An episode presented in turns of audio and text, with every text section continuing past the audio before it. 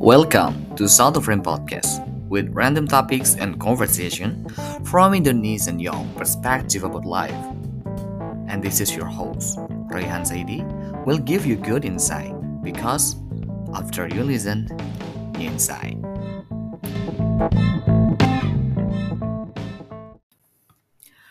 Halo semuanya, jadi di episode ini adalah episode spesial di mana gue diundang di RRI Pro 2 Sumeneb di tanggal 3 November 2023 jam 4 sampai jam 5 sih barusan dan gue sedang ngerekam itu.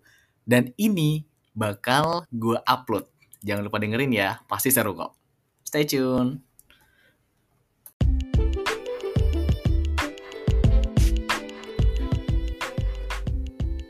Buat framer yang ingin bekerja sama dengan Satu Frame Podcast sebagai media publikasi atau media partner, bisa banget hubungi gue di @ryansaidi atau di IG Satu Frame at Satu Frame Podcast. Ditunggu kerjasamanya ya.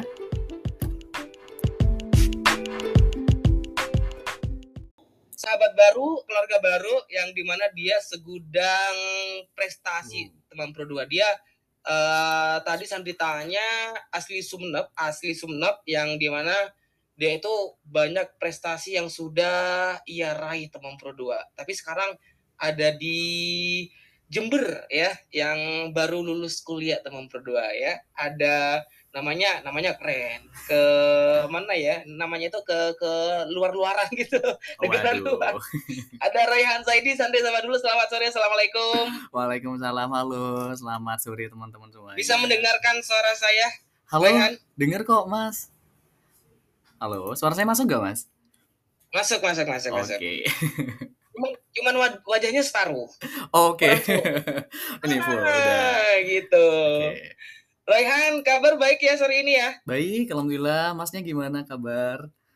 Alhamdulillah juga baik sehat walafiat meskipun di eh, Sumeneb sudah mulai hujan nih Hmm. dari tadi pagi itu siang juga hujan Alhamdulillah masih sehat dan Sandri nggak mau nanya kabar yang lain Sandri ya penasaran juga gitu loh melihat eh, beberapa prestasi yang sudah diraih Kak Roy sendiri ya Uh, karena banyak banyak eh, prestasi yang sudah eh, diraih gitu loh. Tapi sebelum itu sebelum kita panjang lebar eh, tentang topik kita sore ini gitu ya, mungkin eh, Kak Roy memperkenalkan diri kepada teman berdua dulu biar percaya kalau Kak Roy ini asli Sumber.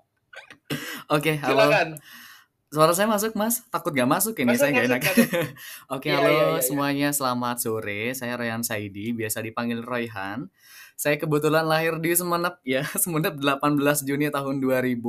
Jadi 23 tahun lalu, saya Mhm. SD-nya di saya kebetulan orang Perenduan, Mas. Jadi Alamin. Oke, Teman-teman kalau tahu Alamin, Oh. nah saya deket itu. Nah, Desa SM Laang. Ah, ya, betul. saya SMK-nya tapi di Pamekasan, SMK 3 Pamekasan. Habis itu saya lanjut perguruan tinggi itu di Universitas Jember jurusan Agroteknologi Fakultas Pertanian. Dan kebetulan tahun lalu sudah lulus 2022 di eh, di eh, di UNED gitu. Universitas Jember ya. Yes, betul. biasanya kalau eh, apa ya siswa atau mahasiswa berprestasi itu tidak tidak sampai empat tahun biasanya. Alhamdulillah 3 tahun 10 bulan. Nah kan makanya itu saya yakin itu kalau sudah banyak prestasi karena Sandri lihat di pamfletnya itu ya ada entar entar, entar ada 51 Alhamdulillah. prestasi. Itu gimana caranya Kak Roy membagi Oh. waktu kehidupan pribadi. Juga membagi waktu nongkrong, waktu belajar, Yes. waktu bermain game gitu. Kebetulan spill dikit saya nggak suka game lagi. saya nggak suka main game. Gimana gimana? Jadi itu mungkin itu ya salah satu poinnya. Jadi saya nggak suka main game. Saya nggak bisa kayak buang-buang waktu saya ketika saya jadi mahasiswa. Memang dulu ini eh, mengawali ini bener-bener mengawali pertama saya tuh pengen masuk di hukum sebenarnya mas hukum sama hubungan internasional UNED gitu kan ya cuma karena dulu, gara dulu, stop dulu, stop dulu, stop dulu, sorry, sorry. Heeh. Eh, pengen ke hukum, yes kok beda? sampai lulus. Ah. Sampai lulus. Apakah nanti kayak S2-nya ke hukum Hmm. atau Ah, jadi tuh sebenarnya kan saya dari SMK nih ya, SMK 3 Pamekasan. Nah, saya Ah. jurusannya tuh TI nih Mas, Teknologi Informasi, yang notabene-nya tuh kan. Saintek. Nah, pas mhm. masuk sebenarnya gue tuh pengen di hukum jalur SNMPTN dulu namanya, kayak jalur undangan gitu kan. Nah, Hmm.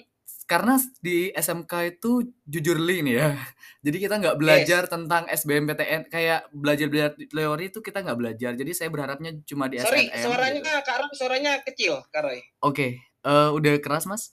Udah keras. Oke. Dilanjut.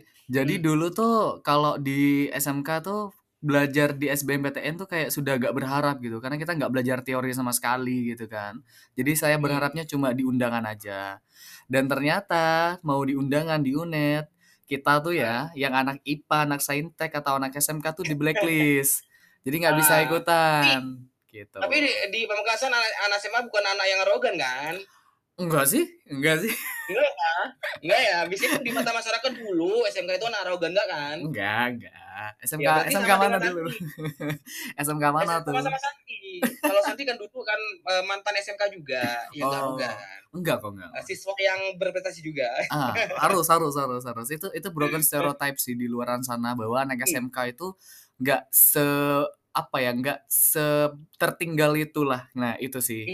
Jadi Betul, betul. ketika di kuliah, dia ya itu itu pertama milih hukum sama HI ternyata nggak nggak bisa gitu kan. Bukan nggak bukan ditolak, lebih ke nggak bisa. Jadi saya memilih di Fakultas Pertanian, jurusan agrotek gitu. Oke. Keterima di pilihan pertama. Nah, itu masuk di pertama karena pertama itu pengennya jadi pengacara atau jadi diplomat gitu kan ya. Ternyata nggak masuk ke Hmm. situ, berubahlah pikiran. Pengen jadi apa lagi ya yang sekiranya tuh bisa eh, meningkatkan kapasitas diri, integritas diri gitu kan. Ada tuh satu line, satu apa namanya ya, satu kompetisi yang bergengsi buat mahasiswa namanya ma mahasiswa berprestasi atau Mawapres. Nah, itu yang saya kejar ketika saya jadi mahasiswa, seperti itu sih, Mas. Jadi di Mawa hmm, gimana, Mas? Silakan, silakan. Iya, jadi di Mawapres itu sebenarnya nggak hanya di prestasi doang. Jadi lu lu pade gitu Hmm. ya kalau pengen jadi Mawapres tidak hanya fokus di kompet eee, kompetisi aja, tapi gimana secara sosial, organisasinya, public speaking-nya, bahasa Inggrisnya gitu loh. Jadi kayak kompleks yang kita pelajari, yang kita butuhkan is the most outstanding student gitu loh. Nah, itu yang saya kejar ketika jadi mahasiswa. Itulah mengapa kenapa sih saya punya semangat dan, eee, banyak prestasinya gara-gara saya pengen jadi Mawapres gitu. Itu sih. Nah, tapi sebelumnya dengan pertama pengen menjadi mahasiswa hukum Mhm. dan nggak nggak terjadi dalam eh, waktu itu mengambil jurusan lain ada keyakinan bisa nggak untuk Yes. ke depannya gitu kan kebanyakan Heeh. anak-anak anak muda sekarang gitu Kak Roy Mhm ya mhm. eh, memilih jalur ini tapi eh, tidak tidak apa ya tidak jadi dan memilih eh, jurusan lain pasti banyak yang eh, putus di tengah jalan gitu loh nah kalau Roy gimana untuk memutuskan itu me- mempercayai diri yakin yakin yakin gitu loh Iya, itu sebenarnya pertanyaan banyak banget datang di awal-awal sih, Mas. Kayak misal, eee, lu kan anak TI gitu, anak RPL tiba-tiba masuk Hmm. agrotek dan juga dulu pengennya di hukum atau HI, lu ngerasa salah jurusan nggak sih gitu kan, pasti gitu kan pertanyaannya. I don't think so, saya salah jurusan karena saya ngerasa bahwa apa pun yang Tuhan kasih gitu, ini udahlah jalannya. Saya tuh yakin di awal bahwa kalau kalau gue bukan di hukum, kalau gue bukan di HI, berarti Tuhan udah ngasih jalan agrotek ini yang terbaik bagi saya gitu. Itu tuh keyakinan pertama sih Mas, karena dulu pun ketika saya mau masuk SMU ya, dulu tuh saya keyakinannya tuh pengen masuk SMA. Ternyata struggling-nya banyak banget tuh. Ketika struggling banyak, Tuhan malah memberikan saya masuk SMK. Ternyata di SMK, SMK 3 ya, saya prestasinya alhamdulillah gitu kan, masuk di SMK yang favorit juga di Madura, di SMK 3 gitu kan. Saya jadi ketua OSIS waktu itu gitu. Saya mikir Ah, kalau saya nggak jadi SMK 3, mungkin saya udah nggak apa namanya, mungkin saya nggak seberuntung sekarang. Jadi saya saya bilang ke Tuhan waktu itu, ketika saya mau masuk kuliah, "Tuhan semoga ketika saya masuk kuliah tidak seberat saya masuk SMA dulu, dan apa pun yang hmm. Engkau berikan saya sudah yakin ini jalannya." Itu sih yang saya, eee, yang saya underline dan ternyata benar gitu. Saya Mawapres, saya banyak prestasinya waktu saya kuliah, saya lulus 4 tahun dan alhamdulillahnya lulusan terbaik di Agrotech waktu itu. Jadi gak nyangka aja gitu. Nah, itu. Oh, tapi ini uh, bukan jurusan dari SMK kan? Enggak sih, sih. Pertanian sama ya, berarti- enggak. Berarti Sama nol. At- Saat Nol. masuk kuliah nol, berarti. Nol, nol banget, nol banget. Betul. Oke, jadi buat teman berdua yang eh, mungkin satu frekuensi sama Kak Roy, kuliah mengambil jurusan ini tapi ya apalah daya gitu ya pindah ke eh, jurusan lain mungkin mungkin bisa mengikuti gaya atau apa ya cara tips dari Kak Roy untuk untuk bisa eh, meyakini bahwa diri kita tuh bisa dalam Yes. mengambil keputusan eh, mengambil jurusan yang lain gitu Kak Roy ya. Itu poinnya sih sebenarnya. Jadi menurut saya Hmm. teman-teman bukan salah jurusan sih. Saya mikir tuh kita belum bisa beradaptasi aja sama jurusan yang kita pilih sekarang gitu.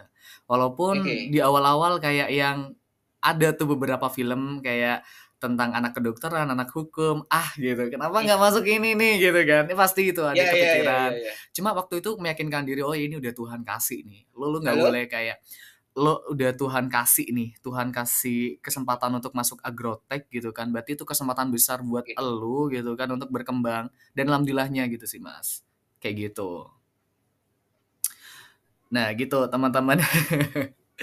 Jadi kalau bertanya tentang apa namanya? eh tentang pengalaman waktu SMK kemarin memang ya itu anak TI masuk di apa namanya masuk di agroteknologi tentu itu banyak yang underestimate sih. Nah itu sih mas. Jadi jadi banyak yang underestimate juga di awal-awal kayak gitu. Wah oke memang memang menarik ya kehidupan ini. Jadi yang awalnya saya mikir saya mikir bahwa ketika ketika kita jadi mahasiswa itu itu adalah privilege, ya itu betul. Cuman yang paling penting adalah kita bisa memanfaatkan privilege itu gitu. Ya itu sih mas. Wah itu masnya lagi ada kendala teknis ya teman-teman. Kita perlu menunggu masnya dulu. Oke. Sambil menunggu masnya. Oke. Wah, sepertinya ada kendala teknis. But it's okay. Ya, teman-teman. Kalau lagi ini seumpamanya masih nyambung ya, saya sekaligus mau apa namanya? mau eh, promosi podcast saya, satu frame podcast namanya. Jadi pas satu frame podcast ini sudah available eh, in 16 channels Live maybe gitu. dan outcome, meeting online, video conference, dan library. RRI Digital menghadirkan fitur-fitur untuk peningkatan interaksi, partisipasi, kolaborasi, workspace, dan learning. Yuk, segera download RRI Digital.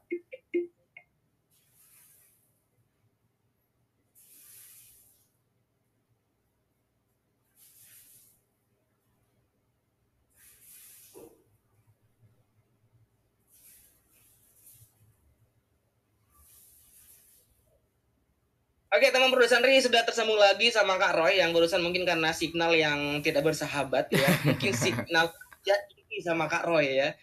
Ya. Usianya mah Uh, Hujan-hujan. usianya masih berapa? 23 lagi, 23 masih. 23. Yes.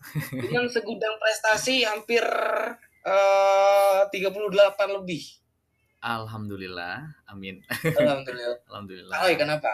Kenapa menjadi mahasiswa berprestasi? Mungkin teman berdua yang mungkin eh, yang baru kuliah untuk tahun ini atau tahun depan atau yang sudah kuliah tapi semester 3, 4, 5 mungkin karena bisa dong memberikan ini kepada teman berdua gitu loh. Kok bisa seperti ini mahasiswa ya? Ada banyak prestasi yang sudah diraih, tapi kalau Sandri baca awal mulanya prestasi yang diraih tahun 2021. Hmm. Hmm, boleh cerita Kak Roy, seperti apa sih eh, buat teman pedo menjadi pedo apa ya? Bukan bukan pedoman sih ya. Mengikuti jejak gitu Roy. Waduh, ini berat nih sebenarnya ya. Oke, cuman, berat nih. eh, betul eh, cuman diputusin pacar ya itu. Waduh. Aduh, lagi patah ini. Oke, jadi Roy? jadi eh, kalau dari kalau dari kompetisi kebetulan saya tuh pertama kali ikut 2017 sih, Mas. Halo? Iya. Bisa bisa diulang? Iya. Bisa diulang? Saya tuh mengikuti kompetisi awal tuh 2017 kebetulan.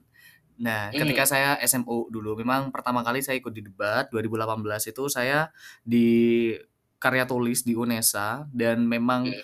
karena saya pengennya itu gelar Mawapres ya. Mawapres is privilege for me gitu. Itu adalah sebuah privilege bagi saya karena ketika saya jadi Mawapres itu banyak hal yang mungkin akan menunggu saya ke depannya. Itu yang saya kejar gitu. Mawapres Hmm. itu eh, lu harus punya banyak pengalaman lah istilahnya. Pengalamannya itu Yes. mungkin di juri, di pemateri, di ikut lomba, banyak prestasi. Nah itu. Jadi alasan pertamanya eh, pengen mengembangkan diri. Yang pertama pasti. Yang kedua pengen ngejar si Mawapresnya itu harus punya banyak banget yang namanya pencapaian gitu dan pengalaman. Tapi tidak hanya sekedar kita fokus di akademis saja. Sebagai mahasiswa tentu kita fokus ke sosialnya, fokus ke organisasinya juga gitu kan, fokus di gimana cara kita pengembangan diri gitu. Itu selain di luar. Jadi itu sih alasannya, Mas. Oke, nah dari saking banyaknya yang sudah kamu raih Kak Roy ya, Mhm. eh, ntar dulu, mungkin ada 51 yang paling penghargaan yang menurut Kak Roy ini sampai detik ini pun eh, nggak percaya gitu loh, bisa mendapat eh, prestasi seperti ini gitu. Yang mana nih Kak Roy dengan eh, prestasi 51?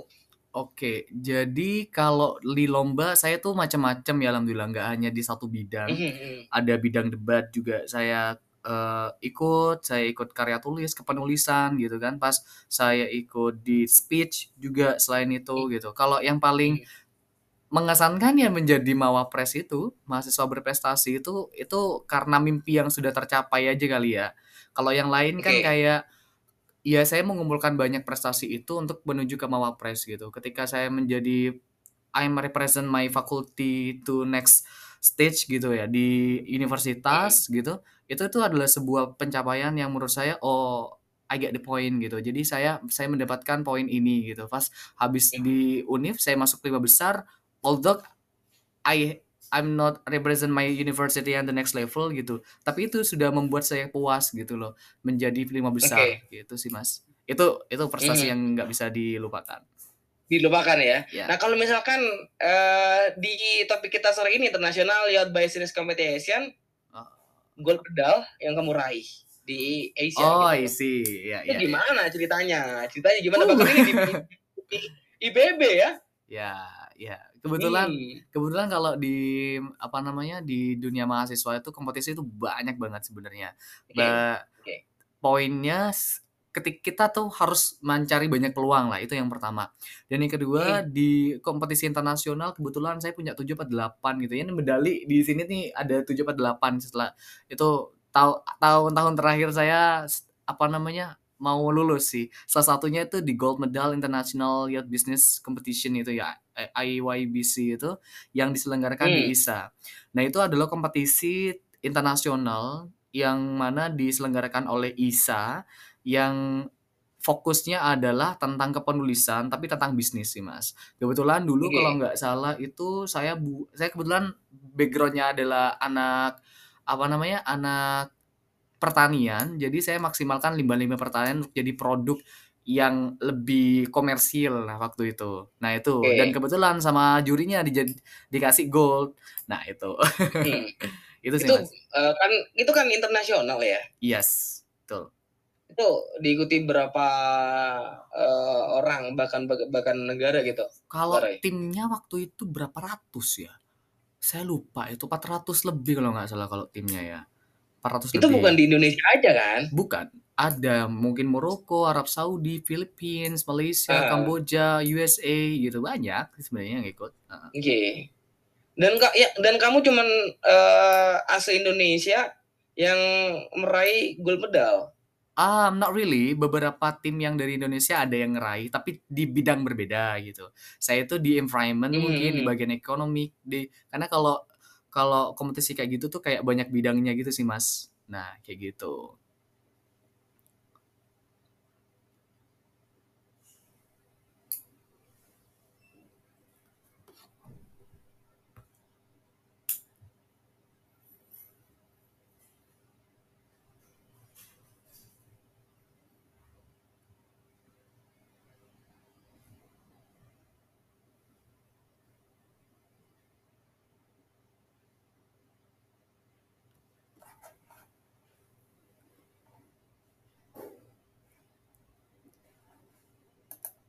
Kita tunggu ya teman-teman. Ternyata memang kalau di radio itu pasti ada kendala-kendala teknis gitu. But but it's okay. I'm I'm happy with that because kayak oh this is my third time maybe to join in radio. Oh my god, I'm so excited. I'm so ex super excited, you know. Huh. Ya, gitulah. Kita tunggu aja. Ini bakal gue upload nanti maybe ketika ya, selesai. I don't know. But ya ya ini kita menjadi mentor dan asisten kegiatan teman Pro 2. Oke, Kak Roy. Halo, halo Mas. Sambung lagi ya. Sambung lagi ya. Sambung lagi. Oke. Barusan barusan Sandri uh, memberikan informasi juga tentang Kak Roy. Hmm, Selain menjadi mahasiswa berprestasi, yes. bener nggak Kak Roy ini uh, punya pengalaman menjadi MC dan juga Yes. moderator? Alhamdulillahnya beberapa kali lah ya. Iya, kebetulan, kebetulan. Mm. hmm, itu gimana tuh Oke, membaginya juga? saya tuh Kuliah, saya pasti kuliah kan? Kuliah. kuliah, kuliah, ah, betul. Uh, menjadi moderator, Mm-mm. menjadi master of ceremony itu ya. Itu gimana? Sandri aja membagi waktunya ya.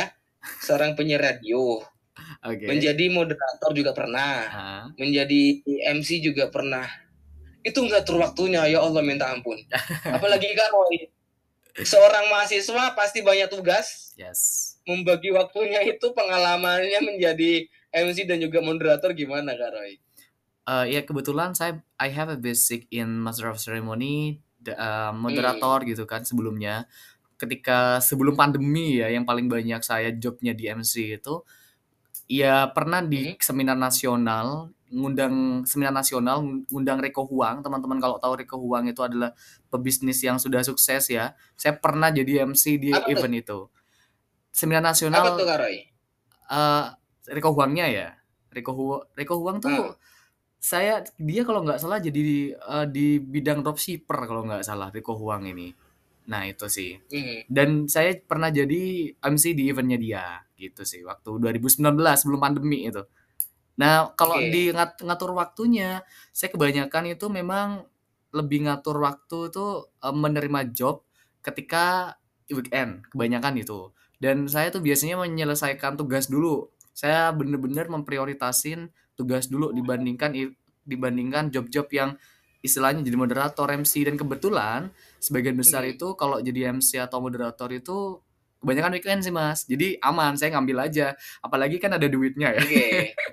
saya Dengan ambil aja mendapat mendapat kepercayaan itu teman Kak Roy ya. iya betul? Karena pasti di luar sana kan banyak pasti ya orang-orang seperti Kak Roy bahkan melebihi dari Kak Roy gitu loh. yes Dapat eh, kepercayaan menjadi moderator bahkan eh, master of ceremony itu gimana? Eh, Perasaannya Mas? eh, perasaannya sih sebenarnya paling penting itu bertanggung jawab sama pekerjaan ya misal ketika ketika saya pernah tuh dalam satu minggu tiga tiga job MC gitu kan kayak Wow. Eh, pernah tiga job MC itu sebelum corona itu itu banyak banyaknya jadi yang saya atur adalah saya harus bertemu sama partner kalau berdua gitu kan. Habis itu gimana caranya saya nge-clash istilahnya tuh kayak nge ya nge-clash ya.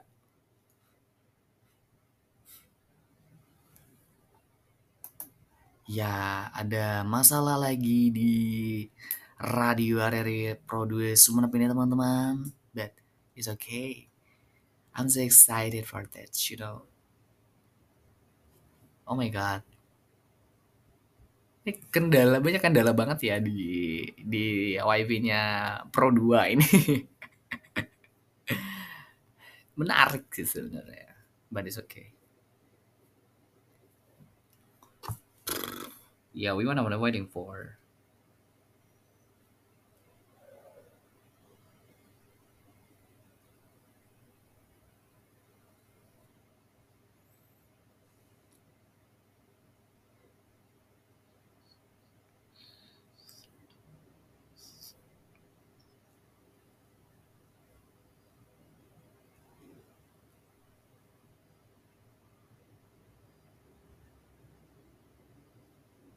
Kita tunggu teman-teman. Ternyata tidak semudah itu yang menunggu menunggu sinyal-sinyal yang the host would like you to unmute.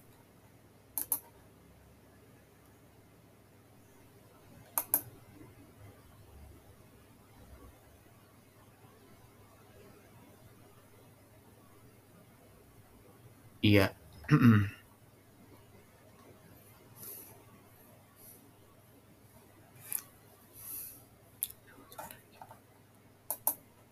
Yes.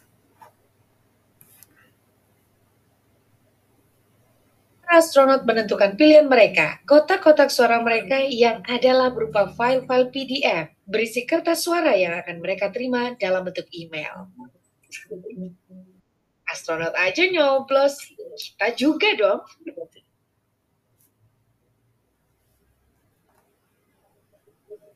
Sunday Ceria bersama berdua.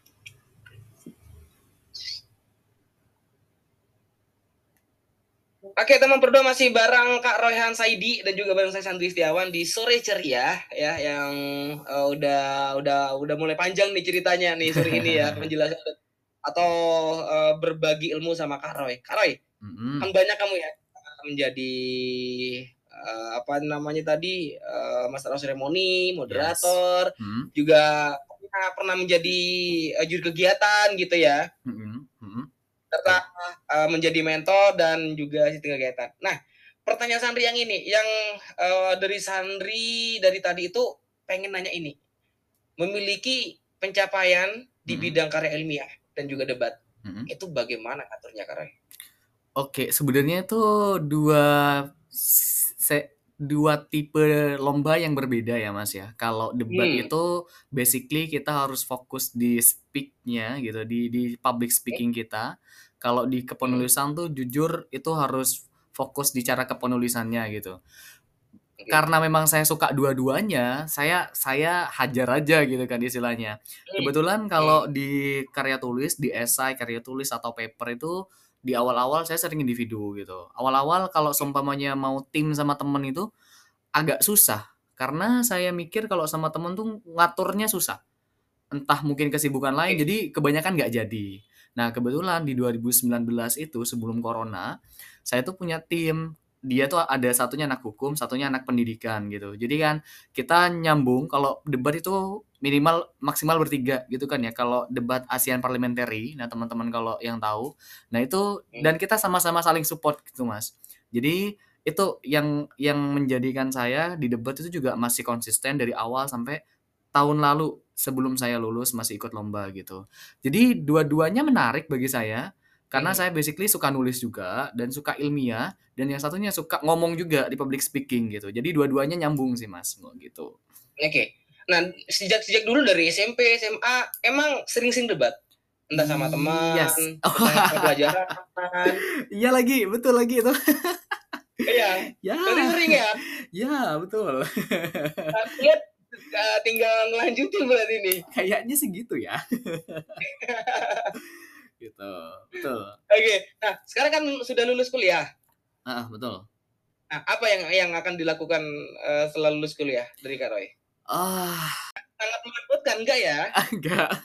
Ini pertanyaan yang yang sering di didapatkan sama mahasiswa-mahasiswa yang sudah lulus sih. Pertama, what is next gitu? Apa yang bakal dilakukan ke Hmm. depannya gitu.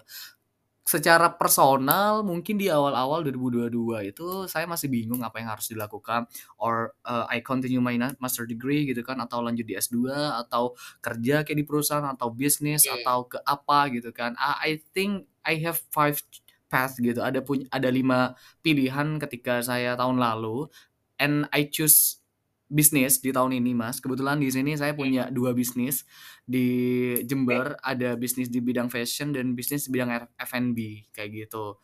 Selain itu juga saya sekarang jadi guru bisa dibilang ya di salah satu SMA di sini. Jadi ya dua-duanya jalan. Saya punya eh, mentoring juga platform mentoring yang itu ya kayak Sain Hunter Indonesia kayak Ruang Guru nah kayak gitu sih jadi Oke. kebetulan saya sering membuat aja sih untuk saat ini kebetulan gitu.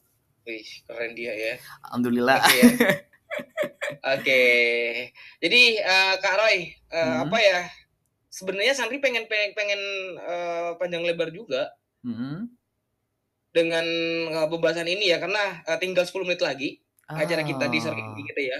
Oke. Pengen panjang. Kalau misalkan Kak Roy nanti uh, pulang ke Sumeneb kabarin Sandri ya. Bisa bisa bisa bisa bisa bisa. Bisa nih. Oke, Kak Roy, Mm-hmm. implementasi di Gudoban saat ini dari sekian banyak prestasi yang sudah didapat. Ah. Oh my god, this is like ah, Wah. ini ini sangat susah sih sebenarnya juga. Ayo I dong, mean, ini- dong, jawab dong. ini- Tadi ini- Sandri uh, ngarepnya ngarepnya masuk yang keenam uh, setelah lulus kuliah mau nikah. Ternyata nggak ada masuk ke schedule. Nggak ada. Untuk orang yang punya pendidikan istilahnya mungkin di luar gitu, saya nggak punya Hmm. pemikiran untuk langsung ke situ sih mas. Kayak yang Oke. oh man gitu, kayak yang maksimalin aja lah yang masa muda gitu kan. Kalau Iya, implementasi sekarang lebih ke ini sih mas, kontrol mungkin gini ya. Eh kita ini mungkin saya kita saya kebetulan kan di Jawa ya di Jember. Memang Hmm. Eh, banyak banget among underrated orang ketika orang Madura di sini tuh banyak banget underrated mas. Jujur, saya mau bilang di awal teman-teman nih ya. Saya pengen jadi mawapres itu salah satunya saya pengen I wanna broken the stereotype that Madura itu orang-orang Madura tuh kuno atau apalah gitu. Itu yang pengen saya broken stereotype-nya. Karena jujur di awal-awal gini mas, ketika saya masuk kuliah ya, saya masuk kuliah di awal-awal tuh banyak orang bilang gini, orang Madura tuh nggak mungkin jauh, orang Madura tuh nggak mungkin bisa berkembang di sini. Itu jujur itu underrated banget di semester saya pertama. Itu membuat Tapi tapi pernah, pernah mendengar kata-kata itu nggak dari teman, iya itu entah dari Itu- luar Madura. gitu. itu yang saya yang saya dapetin di semester pertama itu teman-teman saya Halo? ngomong iya teman-teman saya ngomong waktu itu ketika Nah, gimana cara itu, Kak Roy? Kalau orang Madura tidak akan berkembang, tidak akan sukses, tidak akan ya apalah daya gitu lah, omong-omong yang tidak eh, menyakitkan hati gitu loh. itu itu yang menjadi motivasi saya sih mas ketika Hmm. ketika saya di sini saya mencoba untuk memaksimalkan Halo, uh, halo iya mas putus-putus. Hmm, hmm, oke Silakan. saya memaksimalkan apa yang saya bisa maksimalkan dan benar-benar walaupun ya dalam keseharian saya memang jarang pakai bahasa Madura dan kebanyakan yang pakai bahasa bahasa Indonesia ya di sini ya. Tapi Hmm, saya hmm. tidak pernah lupa asal saya di mana. Asal saya di mana saya nggak lupa. Saya kemarin aja 754 tahunnya Semenep itu aja saya ngucapin masih secara online. Selamat ulang selamat hari jadi ya Semenep Oke. yang ke-754 tahun gitu kan. Dan saya bilang kalau orang Madura itu nggak seperti perspektif orang-orang di luar sana, kuno lah, kolot lah atau apalah. Dan saya di sini tuh Oke. bener-bener broken stereotype banget. Oh ternyata orang Madura nggak nggak seperti itu ya Han ya gitu. Dan itu Oke. itu bener-bener oh saya bisa sudah. Di awal-awal pun Mas itu banyak banget yang yang yang masuk di kuping saya. Ketika saya menang Hmm. kompetisi kemarin, saya Ya. suruh pidato tuh kan. Ayo monggo pidato yang menang, saya menang. Saya saya berada di sini karena saya pengen I wanna broken the stereotype buat teman-teman yang dulu pernah nyinyir saya, saya dari Madura, saya dari Sumenep waktu itu gitu kan. Iya. Dan saya sudah kamu berada di. Iya. Mukulin kata-kata dulu. Iya dong. saya bilang, saya saya sudah ada di sini nih, lu ada di mana? gitu saya bilang gitu. itu itu sih semangatnya. Iya, iya betul betul betul. Biar yang yang ngatain-ngatain dulu biar eh, kena mental ya. Ya, itu sih poinnya. Hmm. Berarti orang-orang itu yang yang pernah eh, mengeluarkan kata-kata itu nggak tahu kalau orang Sumenep itu banyak yang sudah go go internasional di di, di ya kan ada. Sarul Posasi gitu loh ya. Ada MD juga gitu loh. Ah, ah. Ke mana tuh orang?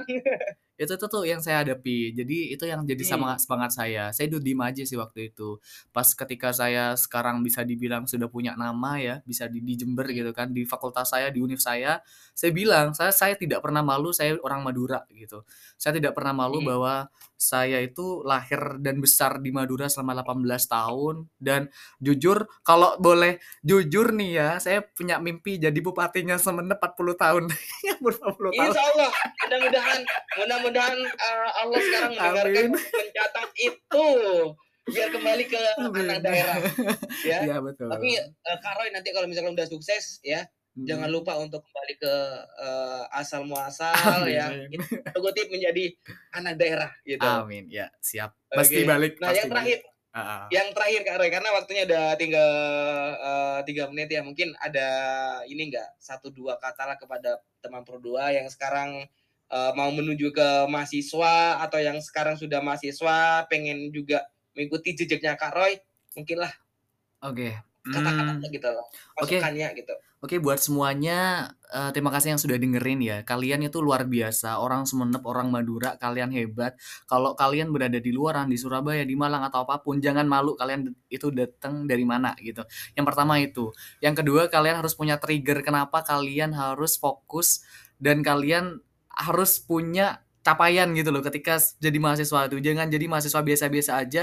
Dan yang ketiga, yang paling penting bagi saya dan ini yang saya dapetin ketika saya jadi mahasiswa, manner itu yang paling penting, Mas. Attitude, etika, manner itu yang paling penting. Karena, eee, berkualitasnya seseorang atau pendidikan seseorang itu paling dilihat itu dari manner-nya. Itu aja sih cukup dari saya. Mas. Betul. Kak Roy, thank you banget Thank you. Udah berbagi ya apa ya berbagi cerita lah kehidupannya Kak Roy saat menjadi mahasiswa yang eh, segudang prestasi asal Sumenep yang juga membuktikan kalau orang Madura itu bisa bersaing dengan orang-orang ro- orang-orang luar Madura gitu ya. Yes, that's the point. Oke, next time ditunggu lagi Kak Roy. Prestasi-prestasi. Nanti kalau jadi bupati silakan Amin. Doakan. Selamat sore. Assalamualaikum warahmatullahi wabarakatuh. Waalaikumsalam warahmatullahi wabarakatuh.